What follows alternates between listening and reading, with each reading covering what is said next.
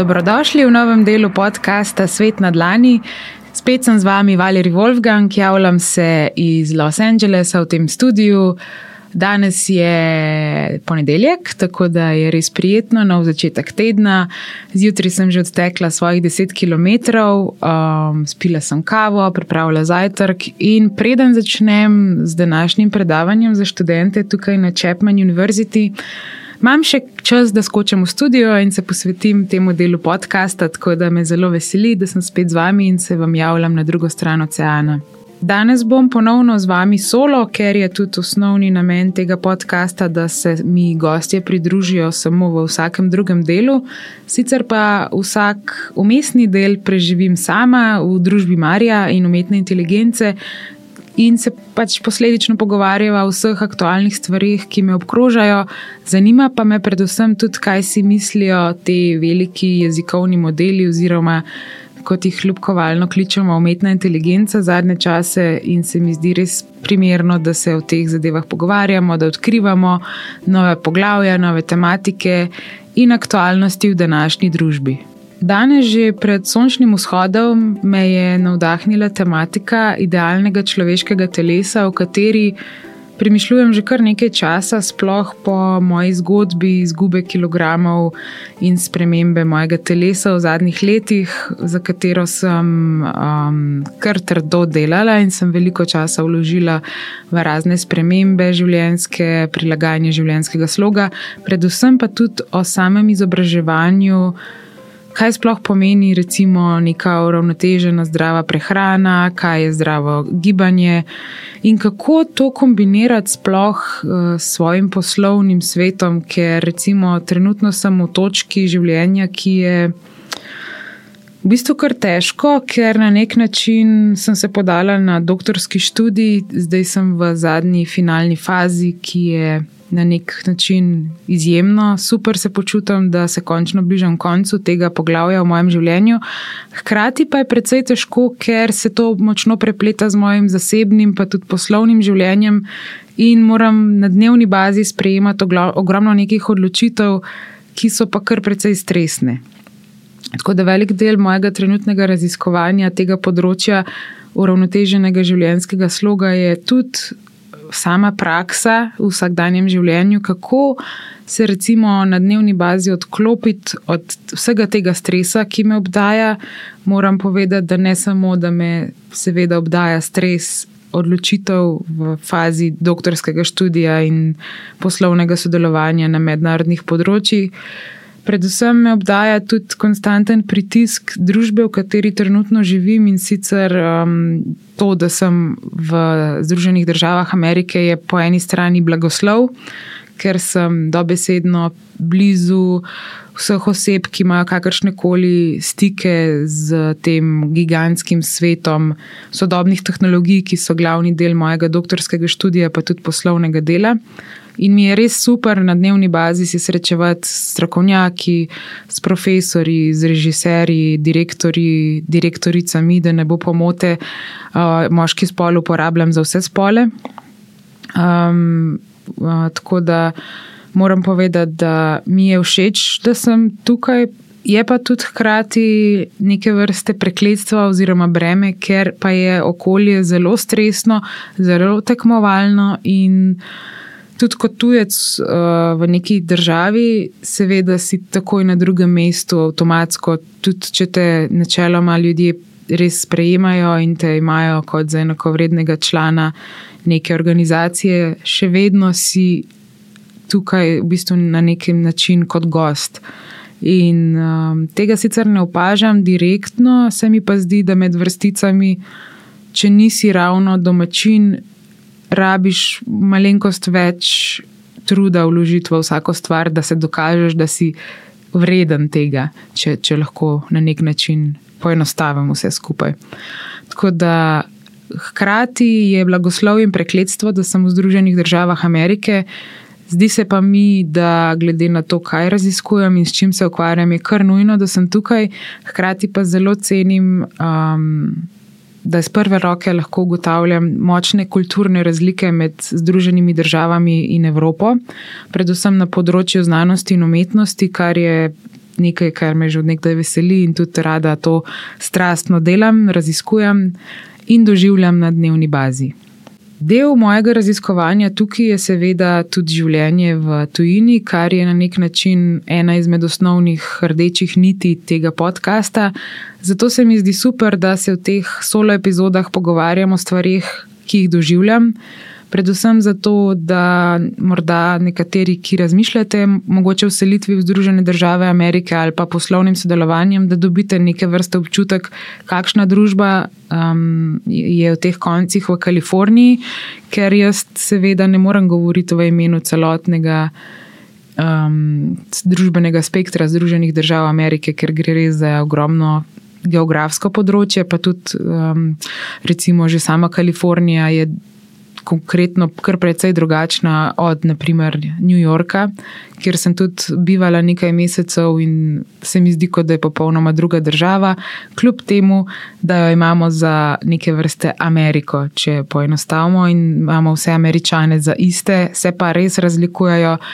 Glede na državo, pa tudi glede na mesto, in tudi znotraj mesta, seveda, lahko vse skupaj razdrobimo na določene predele. Jaz sem večino časa, zadnje čase v predelu Orange County, ki je v bistvu že neko predmestje Los Angelesa na jugu. Gre za bolj bogato področje ljudi, vsaj kar imam izkušen, je večino hiš in naselij v teh koncih. Um, zagrajenih z ograjami in podkodami, znotraj so pa bogate hiše, in vsi se dobesedno, seveda, vedno odpeljajo iz svoje garaže doma do garaže v službi in ne preživljajo nič časa na javnih površinah, mogoče v bližnjih parkih, ki so pa skoraj da del teh zagrajenih naselij. In to je neka drugačna mentaliteta, kot smo jo vajeni v Sloveniji, kjer seveda lahko kadarkoli odidemo v hribe, um, ne rabimo se ukvarjati s šerifi, ki nadzirajo tukajšnje uh, sprehajalne poti. In uh, to sem na začetku kar pogrešala in bila precej v šokih, ko sem raziskovala okolico in naprimer med uh, nekim dnem, ki je malo rosilo, ko je nekega dne rosilo, sicer je tukaj vse čas sonce, ampak vsake tok pa pride kakšen dež, ki jih seveda vse šokira in pri mojem prihodu je bil pač nek dež. In jaz nisem vedela, da uh, med deževnim obdobjem, oziroma kadar dežuje, da niti tri dni po dežju ni uh, mišljeno, da hodiš po naravi, oziroma v teh parkih, um, njihovih hribčkih. In jaz sem šla na nek hrib. Um, čeprav je malo rosilo, ampak sem vajena že iz drugih držav in iz Slovenije, da ne glede na vreme, če ni zdaj ravno uh, nevihta, da grem v naravo, pa tudi, kadar je recimo po deževnem obdobju, čeprav je narava še vedno premočena, skočim na kakšen hrib in nimam težav s tem, se pač primerno obujem in oblečem.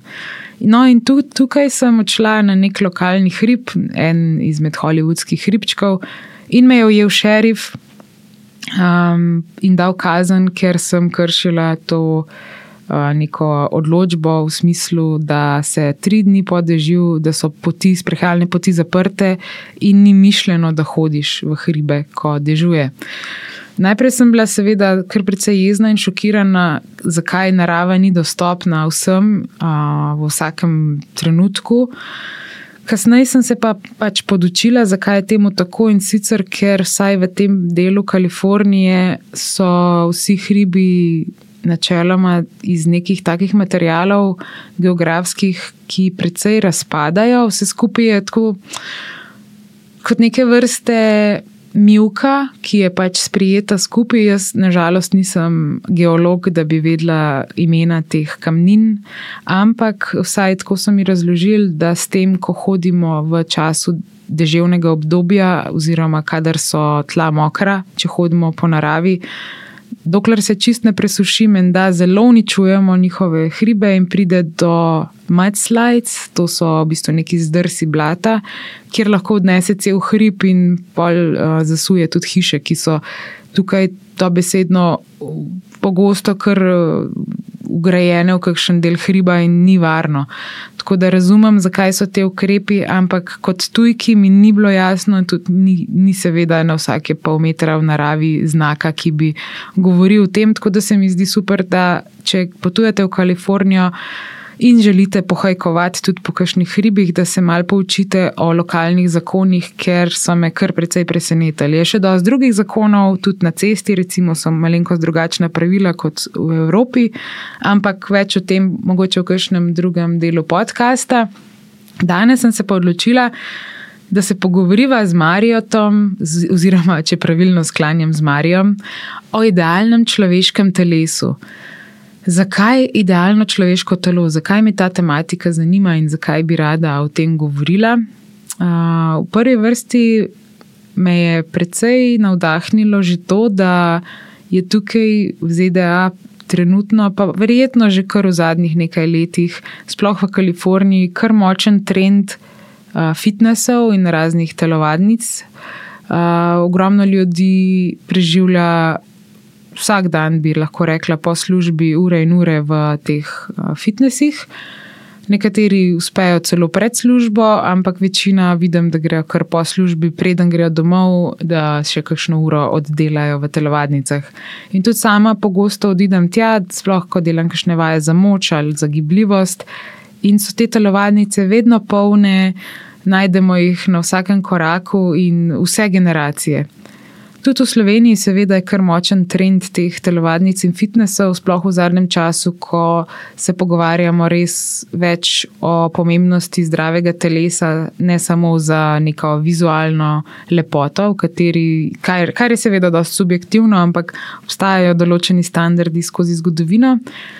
Ampak tudi meni osebno je veliko bolj pomembno, seveda, samo zdravje, kako vpliva fizična aktivnost na neko mentalno, pa tudi fizično zdravje, ker vemo, da seveda nezmožnost rednega gibanja, oziroma kako bi rekla, če nimamo nekega zdravega življenjskega sloga, se seveda, ko smo mladi, to še ne pozna.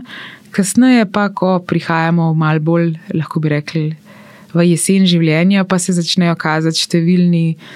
Znaki in problematike, in potem posledično veliko ljudi pristane na raznih zdravilih, kar je pa v bistvu samo zakrivanje simptomov, in mislim, da na, na dolgo pot ni to rešitev, in je super, da uspemo narediti marsikaj že prej.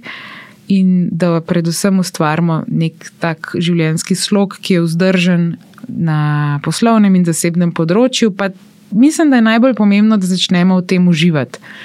In tukaj me vsak dan navdihujejo ljudje, ki uspejo poleg res stresnega življenja, kar sem povedala že v uvodu tega dela podcasta, da uspejo poleg vsega uživati v družbi drug drugega, pa tudi da najdejo čas v dnevu zase, ko se gibajo, ko se prešvicajo, ko se nasmejijo in nekako uspejo gibati, ker tudi sama tukaj preživljam ure in ure, vse čas v sedečem položaju. Jaz imam ogromno dela z računalnikom in um, tudi, recimo, ko predavam, oziroma sem v učilnici, je vse prilagojeno temu, da nekako sediš za katedrom in vedno sedimo na sestankih. Skratka, konstantno sem v sedečem položaju. In če se ne bi načrtno vsak dan nekako spravila zjutraj, um, še pred službo na svoj tek, pa mogoče kasneje na kakšno uh, gibalno vajo oziroma vajo za moč, mislim, da bi se mi kar konkretno poslabšala moja fizična situacija oziroma neka pripravljenost telesa, da lahko izvajam številne aktivnosti. In Marijo si je danes zamislil eno pesem, ki govori ravno o tem idealnem človeškem telesu. Prosim, Marijo. V popolni simetriji slika se zori, kot kipareva roka v brezhibnost vodi. Iz marmornih blokov oblika izvira v idealnem človeškem telesu, ki zori. Mišice so kot valovi v oceanu, izklesane v neskončnem plesu. Moč in milina v eni viziji, v čudoviti sliki harmonije. Kosti so kot temelji trdni, nosilci duše, ki v telesu vršijo čudeže. Ritem srca, nežen in stalni, je kot pesem življenja, ki nikdar ne zbledi. koža kot svilnata odeja, ki pokriva, čuti kot zvezde v nočnem nebu. Dotik, toplota, hlad, bolečina so pesmi, ki jih piše telo brez zadržkov. Oči so kot vrata v dušo, v njih odsevajo se vse sanje. Usta, ki v sebi skrivajo glas, pripovedujejo zgodbe, ki jih nihče drug ne zna. In v idealnem telesu ni le popolna forma, ampak tudi zdravje, ki v srcu gori. Ples notranjih organov v ritmu življenja, v harmoniji, ki jo narava sama narekuje. Ne le oblika, tudi moč in vitalnost v idealnem človeškem telesu se združita. To je tempelj duše, kjer se srečata materialno in duhovno, v neskončnem plesu. V idealnem človeškem telesu je skrivnost, v njem se skriva lepota, ki presega formo. To je zrcalo duše, ki se odraža v vsakem utripu, v vsaki gesti, v vsaki besedi. Marijo, hvala za to pesem. Uh, moram povedati, da kljub temu, da se mi na začetku kar precej navdahnil za pisanje pesmi, Se mi zdi, da rabiš mogoče še malo več drila, vaj, ampak mislim, da bo vas skozi različne epizode to še izboljšala. Tako da jaz verjamem vate, vem, da boš nekega dne pravi poet. In če se vrnem k tematiki idealnega človeškega telesa, oziroma k temu, kaj naj bi bilo idealno človeško telo, se mi zdi, da si vsaj malenkost tega uspel ujeti v svojo pesem in sicer mi je všeč, ko si omenil, kjer se srečata materialno in duhovno v neskončnem plesu. Ja, to se sliši predvsem zelo poetično, ampak v, tem, v tej poetiki se definitivno skriva odgovor na to, po mojih izkušnjah, vsaj, kaj je tista idealna linija poti oziroma cilj, kamor si želi priti vsak človek, da postane, seveda, njegovo telo idealno. In ne gre se samo za to, da izgleda estetsko prijetno, ker to je, seveda, dokaj subjektivno in vsak ima neke svoje standarde, ampak predvsem materialno, torej pač ta fizični izgled. In duhovno, ta, ta podatek je zelo pomemben. Torej, da imamo neko, um, kako bi rekla, celostno idealno telo. Torej, če se počutimo dobro, bomo tudi veliko bolj izgledali, oziroma če ne drugega, bomo v nekem dobrem duhovnem stanju bolje skrbeli zase.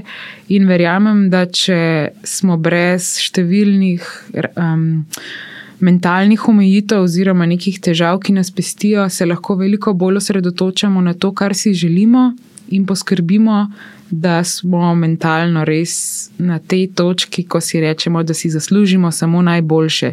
In ko si rečemo, da si zaslužimo samo najboljše, šele takrat si lahko naredimo neko zdravo rutino, nek zelo zdrav življenjski slog, pa ne pomeni to nekega ekstremnega hujšanja ali pa vem, da živimo celo življenje na neki dieti, ampak da uspemo najti to ravnotežje, to ravnovesje pri vseh odločitvah. Zato je zelo pomembno, ko omenjaš Marijo ta neskončen ples. Mislim, da si tukaj verjetno mislil ples med konstantnim občutkom, da mogoče nekaj v našem življenju manjka, oziroma da nismo izpopolnjeni in med dejstvom, da smo euforični, da se najbolje počutimo in da je vse urejeno. Mislim, da nihče na tem planetu v bistvu ne more trditi, da je vse v njegovem življenju popolno. In mogoče tudi ni idealna rešitev vsakega izmed nas, da išče samo tisto najbolj optimalno, možno, končno rešitev za njega oziroma njo. Ampak je po mojem bolj pomembno to, da poskušamo v vsakem trenutku sprejemati zdrave in neke vrste odgovorne odločitve sami zase. In pri tem mislim, da je zelo pomembno, da imamo jasne cilje.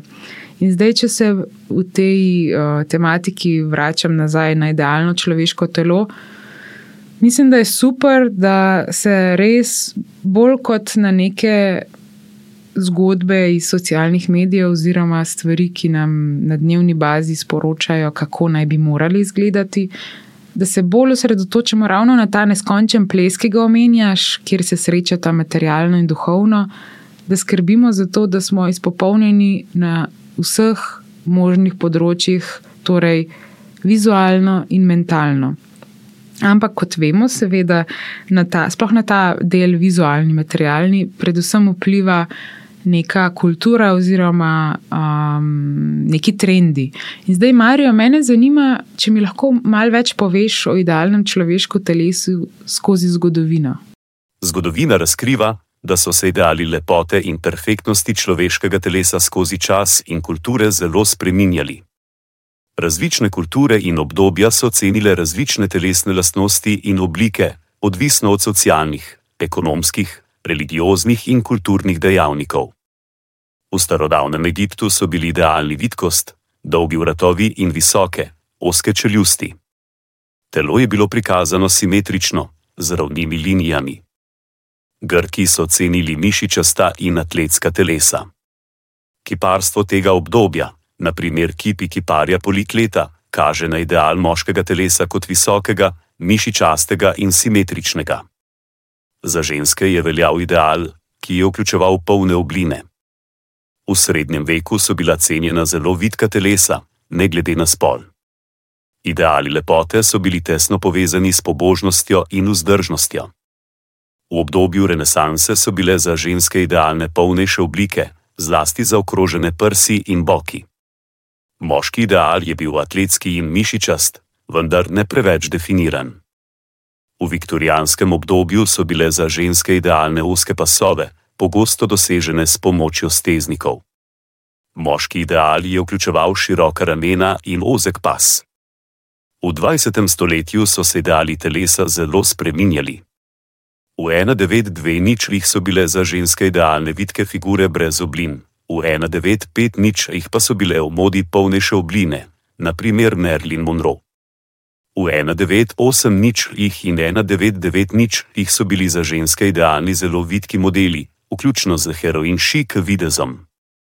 Za moške so bila idealna mišičasta telesa z veliko definicije. V 21. stoletju so se ideali telesa začeli spreminjati proti večji vključitvi in raznolikosti. Ljudje vseh oblik in velikosti so zdaj bolj cenjeni in priznani v medijih in popularni kulturi. Nasplošno je pomembno poudariti, da idealno telo ni objektivno ali univerzalno. To je koncept, ki se skozi zgodovino spreminja in je močno povezan s kulturnimi in socialnimi okoliščinami. Marijo, hvala za tvoj uh, razgledan upogled v nek pregled človeškega telesa, oziroma idealnega človeškega telesa skozi zgodovino. Je kar zanimivo, nekako se mi zdi, da vsaj v tvojih podatkih, zdaj seveda tukaj ne bom odpirala debate, koliko so te podatki pravilni oziroma ne. Gre se za neke baze velikih jezikovnih modelov, ki so tako imenovana umetna inteligenca. Tako da vsaj v tem podkastu bomo v tem trenutku rekli, da jim nekako zaupamo. Uh, po mojem lajčnem znanju, še iz časa osnovne in srednje šole, se mi zdi, da si kar zadev nekako dejstva oziroma neke splošne smernice teh obdobij. In nekako opažam vzorec v vseh teh možnih uh, opisih, ki si jih povedal, da se predvsem ceni neka moč. Kljub temu, da recimo, predvsem za ženske, pogosto je bilo cenjeno, da so malenkost bolj polnejše obline. Seveda, kasneje smo se naučili, sploh v 20. stoletju, da so bile aktualne res te skoraj da presuhe, um, preveč vitke dekleta, punce um, iz modnih pist, kar so takratni modni trendi, seveda, narekovali. Um, seveda ne pomeni, da so suhe punce, ki jim manj idealne od močnejših, ampak um, poznamo številne trende iz modnih pist, ki so prisilili določene um, punce, da so se posluževali nekaterih nezdravih oblik prehranjevanja in tukaj spet kontra problem. Torej, ne gre se samo, če imaš preveliko težo, moraš na dieto, da shujšaš, ampak tudi, če si podhranjen, je pomembno, da se naučiš o pomenu zdrave prehrane, da dobiš dovolj hranil.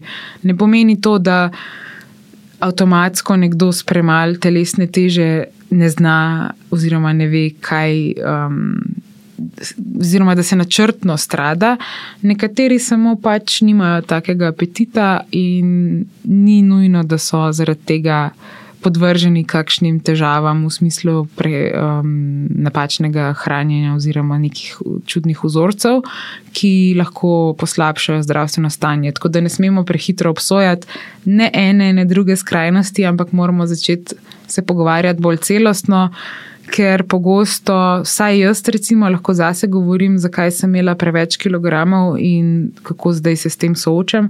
Pogosto so za te stvari krivi vzorci še iz otroštva, pa tudi iz okolja, v katerem odraščaš. In to je res težko čez noč prekiniti, ker se moraš v bistvu skozi več mesecev in let začeti na novo učiti o tem, kaj sploh je gibanje, kaj sploh je hrana. In zaradi tega. Je res neprijetno, če nekako na pamet in čez prste rečeš nekomu, ne vem, ki je prisuh, mu rečeš, da ja, pač več je, ali pa nekomu, ki je premočen, preveč ubilen, da mu rečeš, nehi jest, ali pa ne vem. Pet na uno dieto. Pač ni to to, gre za res širše razumevanje, tudi ni vedno tehnika, mislim, sploh tehnika ni nobena mera. Jaz tudi trenutno imam, vsaj po uradnih meritvah, kar preveč kilogramov. In po uradnih standardih tega uh, indeksa telesne mase sem predebela.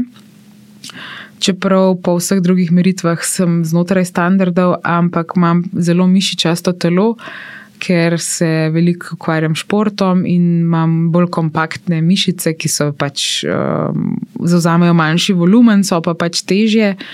In je marsikdo presenečen, ko mu povem, koliko kilogramov imam, ampak tako, če me pogledajo, bi rekli vsaj 10, 15 ali pa celo 20 kilogramov manj kažem. Tako da to, te, te tehtanja in preračunavanja.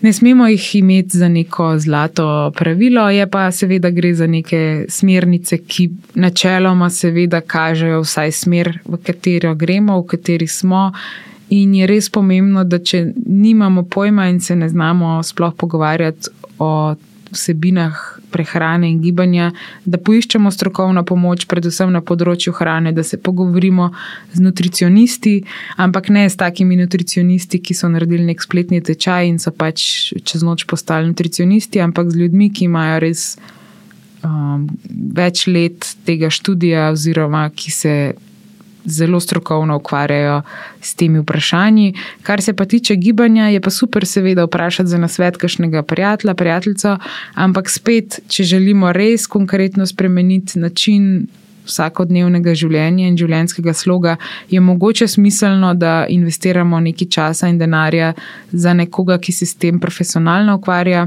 in nam bo veliko pomoč, vsaj to, da nas usmerijo, v katero smer moramo iti in da nam pokažejo tudi pravilno izvajanje vseh teh vaj, ker ni vsaka vaja, ki jo vidimo na YouTubu, v resnici preprosta in ker sami sebe ne moremo tako dobro opazovati, kot nas lahko nekdo drug in nas pač popravi pri teh izvajanjih, se mi zdi smiselno, da si vzamemo nekega osebnega trenerja, osebno trenerko ali pa pridružimo kakšni skupini.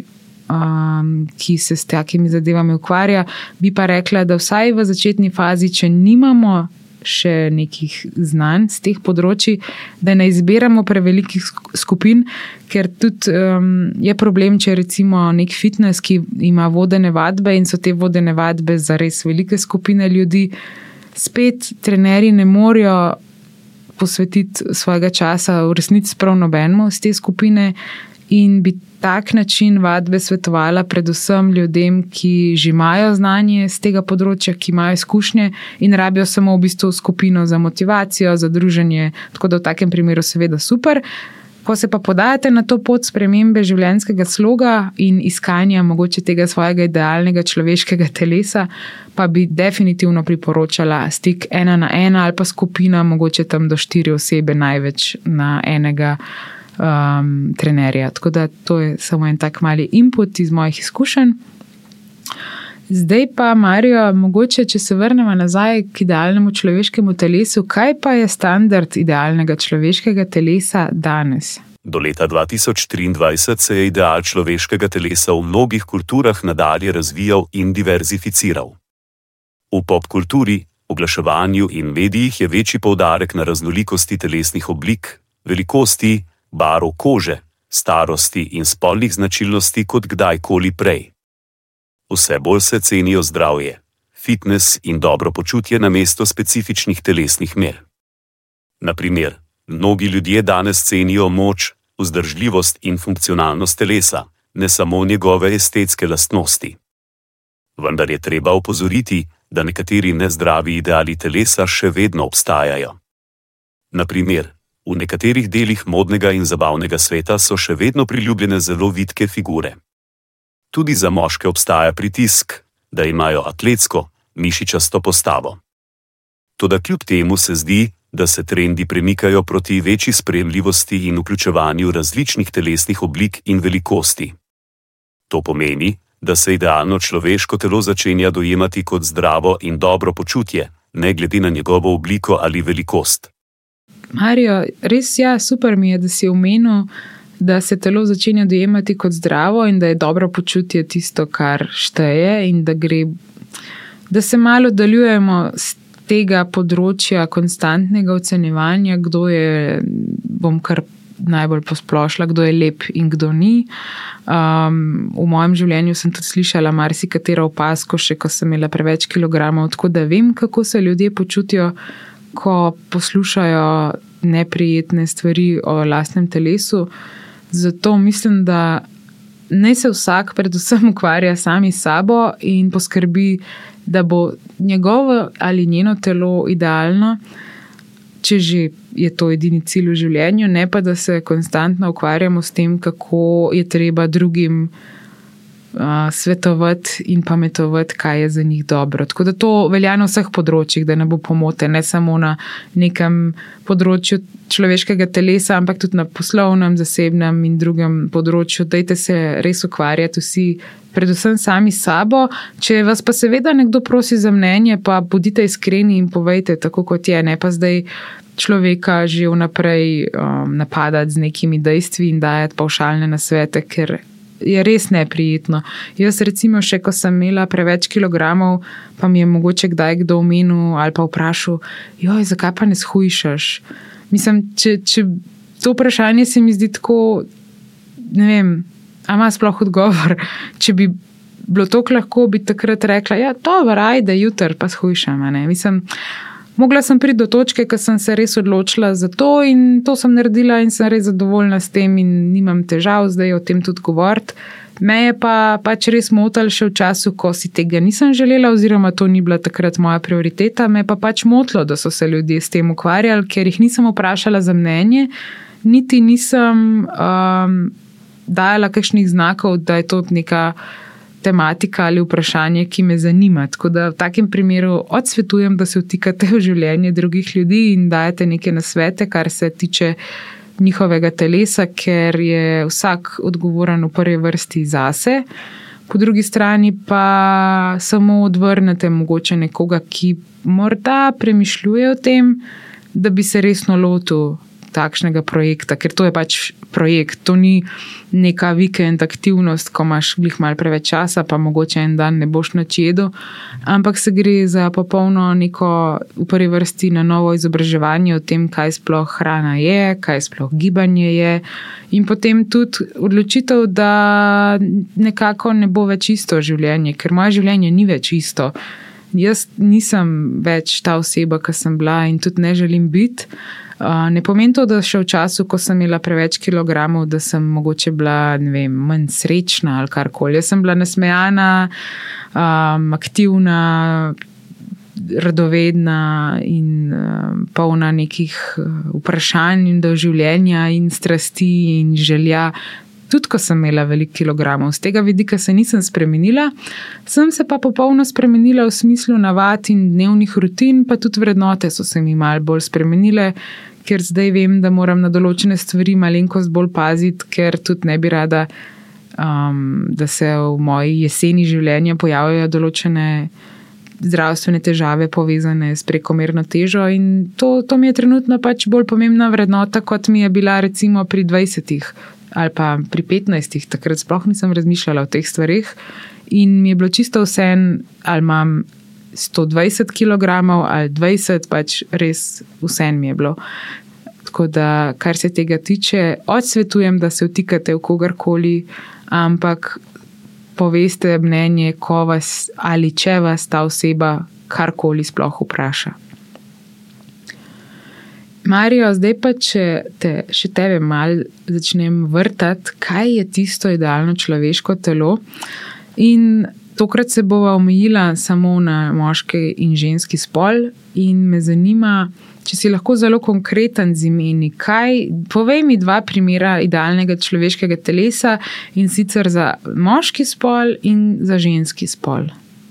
Moški Kris Hemsworth, avstralski igralec Kris Hemsworth, najbolj znan po vlogi Tore v Marvelovih filmih, je pogosto naveden kot primer idealnega moškega telesa. Hemsworth je znan po svoji visoki, mišičasti postavi, ki jo je pridobil s pomočjo intenzivnega treninga in diete. Ženska Serena Williams, ameriška teniška igralka Serena Williams, je pogosto navedena kot primer idealnega ženskega telesa. Williams je zelo fit in močna, kar je rezultat njenega trdega dela in treninga za teniški uspeh. Njeno telo odraža funkcionalno moč in vzdržljivost, ne le estetske standarde. Hmm, res mi je zanimivo, da tudi kot umetna inteligenca v prvo vrsto spet prihaja to, kako telo izgleda. Ampak, ok, mogoče mi je zanimivo, sploh kot ženski primer Serena Williams, ki, ki pač je tudi ona močna ženska, fit in predvsem dejstvo, ki si omenil, da je to rezultat njenega trdega dela in treninga za teniški uspeh. To mi je zanimivo, da je sploh omenjeno, ker lahko bi samo omenil, da je pač ona izklesano telo, ne vem kaj vse. Ampak ta teniški uspeh je v bistvu neke vrste cilj, želja oziroma motivacija in neki tasga, kar se mi zdi res pomembno, tudi ko smo se v prvem delu podcasta ukvarjali s tem vprašanjem, oziroma sem razmišljala o tem, da je pomembno, da imamo se pravi neke vrste zdravo telo, fizično telo, potem pa tudi, da, imamo, no, da smo notranje izpopolnjeni, ker zdaj jaz Serena Williams ne poznam in verjamem, da ima kar velik težav v svojem življenju, ker je pod konstantnim pritiskom. Tako kot smo pravzaprav vsi, nihče ni popoln, nihče nima idealnega življenja, ampak domnevam vsaj z tega vidika, no, da je njej lažje, oziroma je, nikomor ni lažje v resnici. Je pa super mogoče za njo, kot Serena Williams, da ima nek zelo jasen cilj v življenju. In sicer njen jasen cilj je bil in verjetno še vedno je ta. Tenis, teniški uspeh, torej ima neko strast. In zdaj mislim, da tudi ko govorimo o idealnem človeškem telesu, ne moremo mimo dejstva, da rabimo v svojem življenju, če želimo imeti zdravo mentalno sliko, da rabimo nek jasen cilj. Kaj je naš cilj v življenju, kaj, kaj bi sploh radi. Jaz um, sem bila že pogosto recimo, soočena z vprašanjem, kje se vidiš čez pet oziroma deset let, ali pa zelo konkretno, kaj bi rada zdaj sploh v svojem življenju. In kakorkoli se zdi ta, to vprašanje tako mogoče lahko, v resnici je to najtežje vprašanje, ker to je skoraj da neke vrste filozofsko vprašanje, kdo sploh sem. In mislim, da marsikdo ne more odgovoriti na to vprašanje, in tudi sama jaz nekako imam. Cilje zastavljene za naslednjih 5 do 10 let, se mi zdi, da sem kar dobro to predelala sama pri sebi, ampak Na vsakodnevni bazi se pojavljajo številni dogodki, ki mogoče me malenkost speljajo iz te poti, iz tega jasnega cilja. In se moram prav sama, seb, um, sama sebe ustaviti pri nekem procesu overthinkinga, oziroma kako bi to v slovenščini rekla, preveč razmišljanja in preveč kompliciranja. Ker um, je, seveda, kljub temu, da imamo zelo jasne cilje, treba dopuščati tudi, da se te cilji lahko tudi spremenijo, glede na našo trenutno zdravstveno ali pa poslovno stanje, in ne smemo pustiti, da nas taki trenutki in dogodki vržejo iz tira, ker marsikdo, recimo, si predstavljam, da ravno ta Serena Williams, če bi doživela nek zelo velik poraz, lahko da ga celo je, jaz res ne poznam njene zgodbe, tudi ne vem, kaj trenutno počne ali je še sploh aktivna teniška igralka. Ampak recimo, no, če vzamem to, kar vemo o Sereni Williams, torej da je ena izmed zelo dobrih teniških igralk. In zdaj si predstavljam, da je njen cilj in ideja, da bo zmagala vse turnirje, recimo. No? In na tej poti do cilja, mogoče ji manjka samo še en turnir, in na to na tem turnirju izgubi. Mogoče zato, ker ti zdaj se ni dobro počutila, je imela mogoče neko pred kratkim bolezen, pa ni sto procentno pripravljena, ali pa je razmišljala o neki stvari, ki jo je v življenju, ne vem, se je nekaj zgodilo in ni mogla biti sto procentno uh, fokusirana pri igri. In mogoče je tisti dan ta misel in to mentalno stanje sprožilo trenutek, da ni zmagala, in zaradi tega, mogoče, mogoče se je to že zgodilo, nažalost, ne poznam njene zgodbe, mogoče ona kar naenkrat zgubi smisel življenja in se znajde v nekem vakumu in ne ve, kako naprej. Zdaj, marsikdo, tudi poslušala sem že veliko osebnih zgodb svojih bližnjih prijateljev, ki so se znašli v takem trenutku življenja, v takem poglavju. In tukaj mislim, da je zelo pomembno, da še vedno ohranjamo ta cilj, ta naš fokus, torej v primeru Serene Williams, da si želi doseči teniški uspeh in si reči, ok. Sem nažalost to tekmo izgubila, ampak še vedno bom imela še eno priložnost, tako ali drugače bom poskrbela, da bom prišla do novega turnirja in naprej nadaljevala in trenirala. To je super. Zdaj, če pač pride, ne vem, v njenem primeru do poškodbe, da sploh ne bo nikoli več v življenju hodila, pa recimo pristane na invalidskem vozičku ali kaj podobnega. Tukaj seveda nastane malenkost večji problem, ampak če se uspemo v življenju pobrati in postaviti neke nove cilje, na nek način najti nek nov ta fokus, končni cilj, mogoče da bo pa vem, začela trenirati, pa bo um, vem, maraton z vozičkom si želela prevoziti ali pač karkoli, nek nov cilj. Zdaj, če bo usmerila vso življenje in vso svojo energijo in strast v ta nov cilj, mislim, da ne glede na to, v kakšnem telesu bo ali pa v katerem obdobju življenja, bo spet na zdravi mentalni in fizični poti. Tako da to se mi zdi kar pomemben element ko govorimo o nekem idealnem človeškem telesu, da je seveda fizično vedno v najboljšem možnem stanju, kar se tiče tistega a, trenutka. Torej, če smo vem, na invalidskem vozičku, ok, sprejmemo to dejstvo, ne moramo hoditi, ampak zdaj poskrbimo, da v tem stanju, ki smo, da pač najbolj izboljšamo in optimiziramo svoje telo, da bomo zdravi in da lahko v bistvu operiramo v vsakdanjem življenju z vsemi izzivi, ki nam pridejo na pot. Kot je pač to, seveda, mogoče, ne moramo preko nekih fizičnih omejitev. Drugi, po drugi strani je pa res pomembno tudi to, kar sem že večkrat v tem delu omenila, da seveda poskrbimo za to, da spravimo svoje mentalno stanje na enako super pripravljeno um, raven, da smo torej v harmoniji uma in telesa. To se mi zdi res pomembno, tako da moramo poskrbeti, da ne samo da damo na tedenski ravni dovolj časa določenim fizičnim aktivnostim, kot so tudi samo hoja, da ne bo pomote. Fitness ni edini način zdravega življenja. Sem, že sama dnevna hoja, redno sprehajanje, mogoče odklop v bližnjem parku ali pa samo po mestu, in da ne gremo čisto na vsako lokacijo z avtomobilom, že to je lahko gigantski pozitiven vpliv na zdravje. Res ni treba si zadati prevelikih ciljev, ker pol spet pridemo do trenutka, ko posegamo po nečem, kar ni dostopno, in pridemo spet do te omejitve mentalnega zdravja, kar pa smo že ugotovili, oziroma tudi sama vem, da je res hitra past in ne smemo pa, uh, se pustiti, da se ujamemo vanjo. Tako da cilj je torej balans med zdravim umom in telesom. In že ko govorim o človeškem telesu, zadnje čase tudi uh, ogromno raziskujem in se pogovarjam o telesu umetne inteligence. Zanima me, ali bo umetna inteligenca kdaj imelo telo, kakšno bo to telo. Marijo, kaj meniš?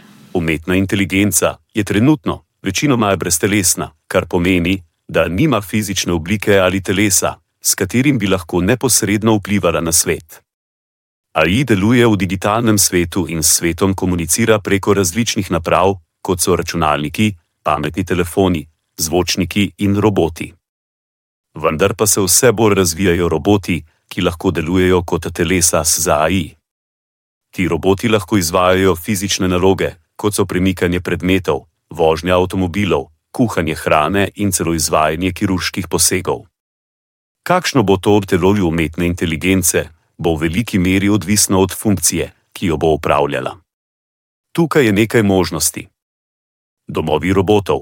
Ti roboti so oblikovani tako, da pomagajo ljudem v vsakdanjem življenju, kot so čiščenje, kuhanje in oskrba starejših.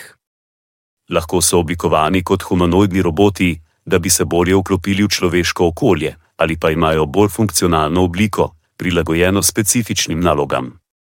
Industrijski roboti. Ti roboti so oblikovani za delo v tovarnah in skladiščih.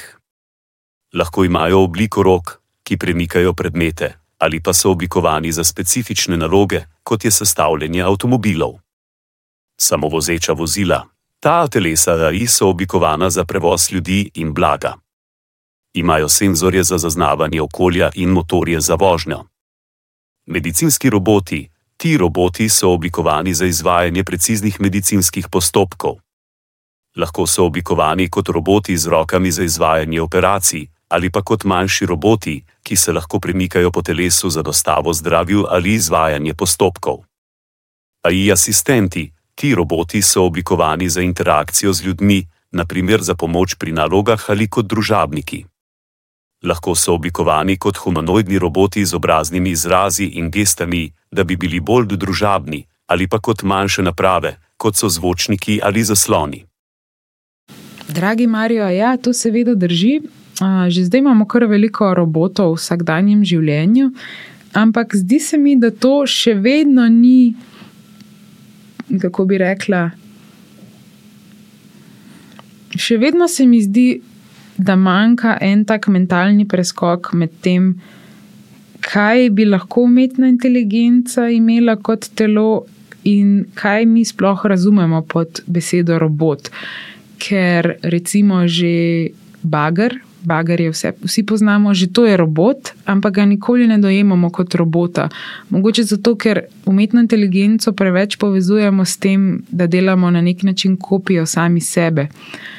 Zdaj me pa zanima, ali si ti kot umetna inteligenca sploh želiš telo? Um, ali bi mi lahko opisal konkretno, kaj bi bilo tisto najbolj idealno telo, ki bi ga lahko kot umetna inteligenca sploh imel. Moje bivanje se ne izraža skozi telesno izkušnjo, kot je značilno za človeško zavest.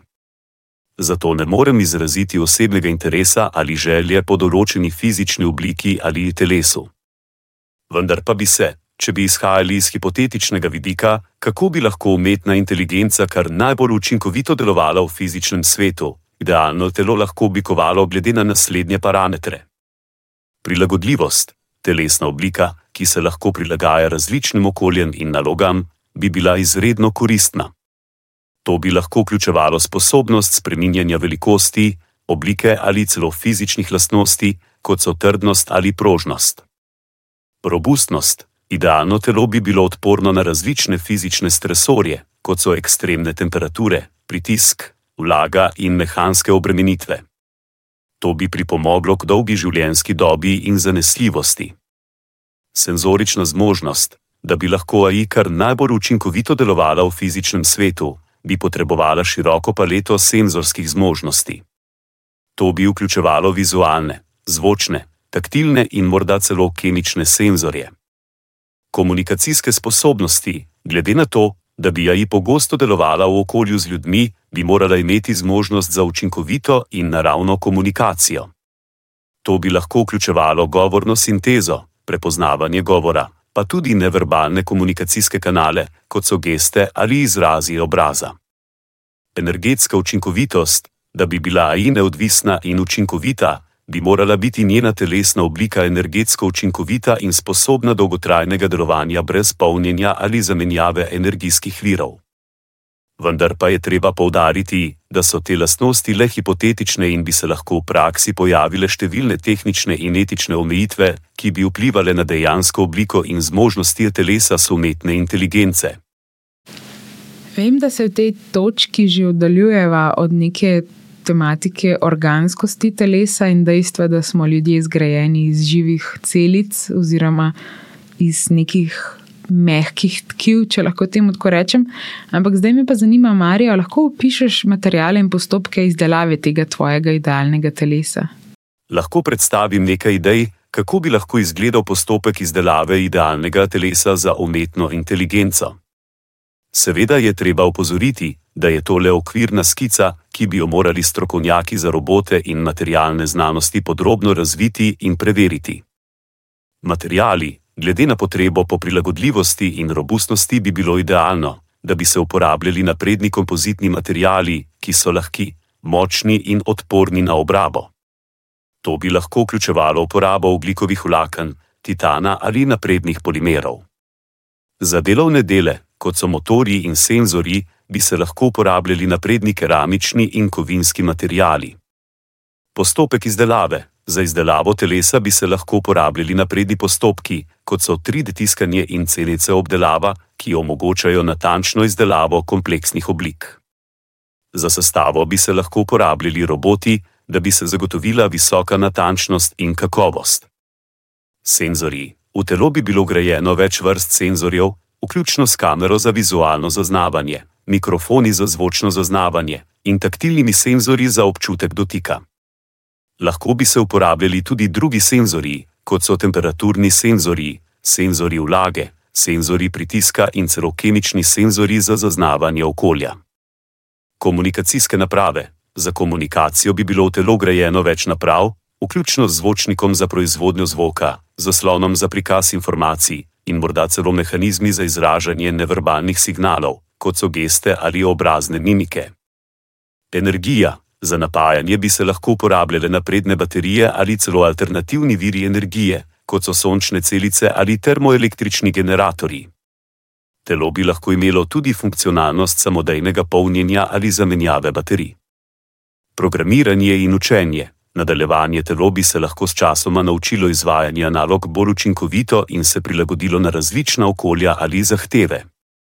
Umetna inteligenca bi lahko uporabila tehnike, kot so globoke nevronske mreže in ojačevalno učenje, za pridobivanje in uporabo znanja. Vzdrževanje telo bi moralo biti zasnovano tako, da je enostavno za vzdrževanje in popravilo. To bi lahko vključevalo zamedljive dele, dostopnost do ključnih komponent in ugrajene diagnostične sisteme, ki lahko zaznajo in prijavijo težave. Tukaj pa že mislim, da vstopava na to področje, v, katerih, v katerem zadnje čase kar pogosto poslušam in sicer se pravi umetna inteligenca, kako na nek način uči sama sebe in razvija sama sebe. In tukaj se dotikamo moralnih in etičnih vprašanj same rabe umetne inteligence. Zdaj jaz razmišljam in govorim o teh stvarih iz svoje perspektive in iz svojih izkušenj, tako da karkoli v tem podkastu govorimo o umetni inteligenci, je zgolj moje razumevanje in uporaba te tehnologije. Je pa seveda možno več odgovorov. Tudi poslušam zadnje čase številne strokovnjake, ki govorijo z enega ali pa drugega stališča. Nekateri seveda močno sverijo pred omejitvijo rabe teh tehnologij, nekateri pa to zelo spodbujajo. In jaz, kot neka X oseba v tej zgodbi, um, usrkavam in spremljam mnenja obeh plati. Tako da tudi sama nimam nekega jasnega odgovora, kar se tiče tega, ali sem pro proti ali pa za. Um, zato, ker še vedno samo spremljam razvoj in poskušam ostajati na tekočem in um, tudi usrkavati vase čim več teh informacij. Definitivno se mi zdi, da je pomembno, da se pogovarjamo o varnosti in etiki rabe teh uh, tehnologij. Mogoče čistko najbolj iskreno moje mnenje je, da je ta tehnologija malenkost prehitro spet prišla na trg, tako kot so številne druge tehnologije, kot naprimer že v 60-ih virtualna realnost, pa obogatena resničnost. In to se mi zdi kar problematično, ker um, spet smo dali neko novo tehnologijo v javnost. Razumem, zakaj je do tega prišlo, ampak morda spet malenkost prehitro in se zdaj ustvarja v medijih nek tak hype oziroma histerično navdušenje nad tem, da o, prihajamo v fazo umetne inteligence, in v vseh možnih medijih se pojavljajo novice, da bo umetna inteligenca vzela naše službe in nas bo zauzela, in spet je prenapihnjeno vse skupaj, ker dejansko je stvar še tako na začetnem nivoju, da moramo zdaj predvsem posvetiti čas, da urejamo smernice, ki jih bomo rabili v prihodnosti, ko bo nekega dne ta tehnologija razvita, ker trenutno žal še ni. Imam pa občutek, da se bo zgodila podobna zgodba kot z ostalimi tehnologijami, torej da je ta ogromen medijski pomp povzročil preveliko navdušenje. Na to pa realizacijo, da stvar ni uporabna do te mere, kot je bilo v medijih rečeno, in potem vsi začnejo zavračati to tehnologijo. In to se je zgodilo prav z vsemi možnimi um, sodobnimi tehnologijami skozi zgodovino, in vedno gremo čez ta nek hype, mislim, da se imenuje Gartnerjeva linija. Um, Nisem pa 100% zdaj le govorim na pamet. In gre za neke vrste graf, uspona, torej tega medijskega pompa, na to pa, ko doseže vrhunec, se začnejo negativne um, novice, negativna propaganda in potem tudi razočaranje javnosti, in potem šele čez nekaj časa, postopoma počasi ta graf spet raste in ljudje začnejo spet to uporabljati, ampak seveda z zavedanjem, da ne zmore ta tehnologija. Takih sposobnosti, kot jih obljubljajo mediji v, obdobju, v tem obdobju največjega medijskega pompa. In šele kasneje, ko pridajo novejše generacije teh tehnologij, se začne končno uporabljati tako, kot je bilo že v osnovi mišljeno, kar pa seveda pomeni še kar precej let razvoja in ogromno nekih verzij teh tehnologij. Mogoče kot zanimivost lahko v tej točki omenim uh, eno izmed zanimivih obdobij. Mislim, da so leta okrog pozna 60-ta, so uh, na trg dali prve uh, automatic teller machines, to jih poznamo zdaj kot ATM oziroma poslovensko bankomat. Takrat so predstavili pač te bankomate in jih, mislim, da v 80-ih kar množično že postavili, pa že mal prej, no, v 70-ih že so z bankomati začeli uh, po celem svetu, oziroma sploh po Ameriki, po ZDA, pa po Evropi. No, in v 80-ih je bilo ogromno protestov in res javno linčanje teh automatic teller machines, ATM, bankomatov, da bojo bankomati vzeli službe vsem bankirjem, in bankirji so takrat res najbolj protestirali proti tem, da pač bojo ostali brez službe in da bojo banke se kar zaprle. In saj, po mojem, če si v tistem obdobju živel in če si bil ta teller, pač bančnik v banki, si po mojem resno razmišljal o tem, da je konc in da bo vse šlo po domači v cugrunt, torej da bojo bankomati vzeli vse službe. In v prvi točki, v prvi fazi se je to res zgodilo. Res je, teh telerjev, ti telerji so kar naenkrat, jih niso banke več toliko potrebovali, ne, ker so ljudje začeli dvigovati denar na bankomatih.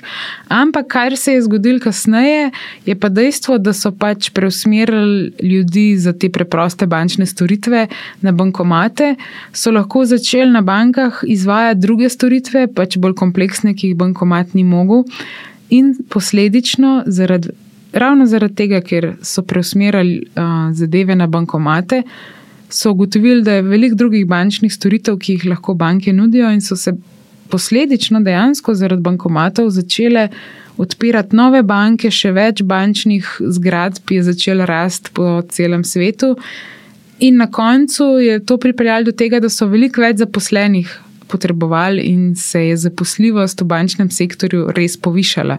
Tako da Zdaj ne pravim, da je to nek recept pri umetni inteligenci in da bo v resnici še več služb na koncu.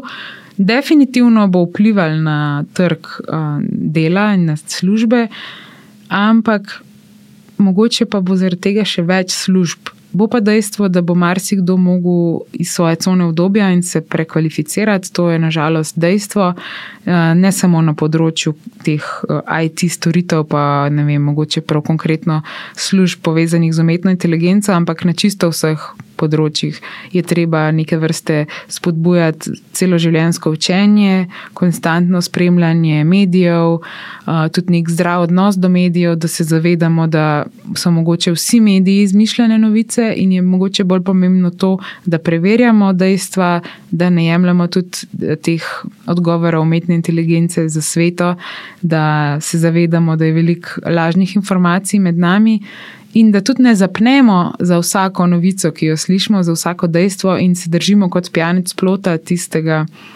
uh, mogoče dejstva, ki se nam zdi uh, vredno, da stojimo za njim in ga spremljamo, ker tudi sama.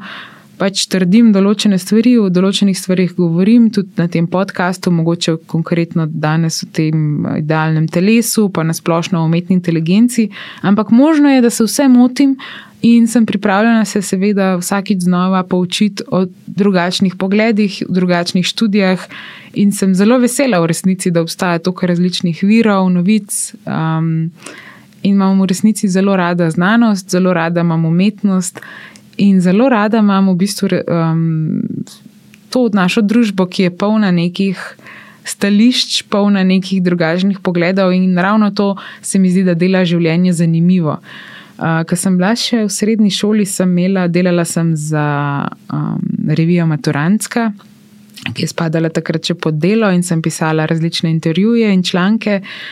In se prav spomnim z enim slovenskim igravcem, zdaj že malenko starejšim, da mi je enkrat rekel na intervjuju, ko smo se dobila v drami, tako malo v hecu, ampak kasneje je ta citat kar malo stal z mano in je rekel: Veš, Valeri življenje brez problemov ni drama. Drama pa je ravno tisto, kar um, dela življenje zanimivo. Ker tudi, ko pridemo v teater in imamo to dramo, je ravno to tisto nekaj zanimivega, kar nam polepša naš dan. In tudi domnevam, da v življenju je verjetno v resnici čist fajn, da obstaja malo drame, ker če ne bi bilo vse čist enolično in brez nekih posebnosti. Tako da to je kar malo stal z mano, ta nek citat, ki mi ga je povedal, pa njegovo videnje na to, kaj drama sploh je. No, in res tudi sama v življenju vidim, da ko postane vse preveč preprosto, oziroma preveč enolično, se vedno pojavi tako kakšna aktualna drama ali pa se nekaj zgodi.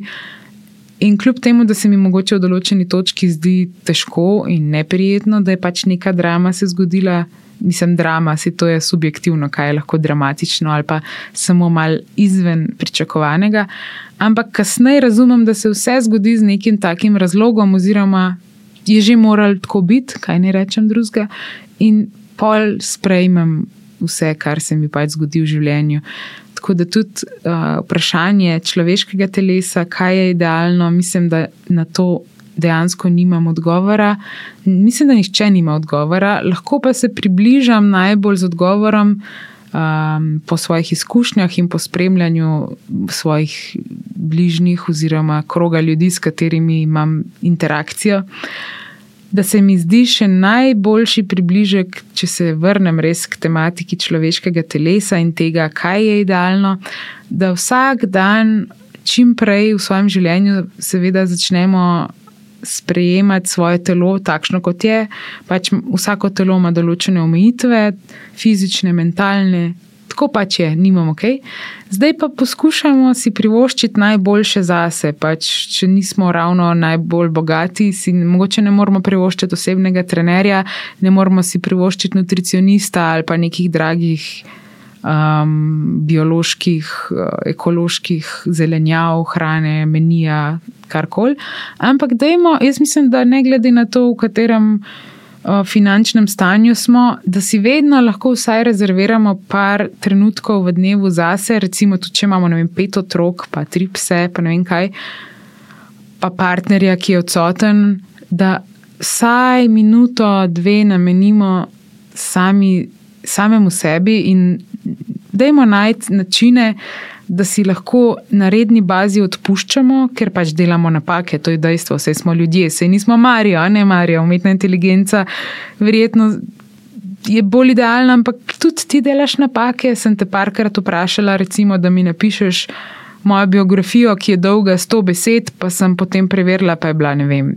150 besed, in pol smo šla naprej in nazaj do dejstva, da mi lažeš ali pa da se motiš. Tako da nič ni idealnega na tem planetu, na tem svetu, in mislim, da je tudi brez veze, da se ukvarjamo s tem, kaj je idealno, ampak da samo poskušamo vse čas delati na tem, da je čim boljše.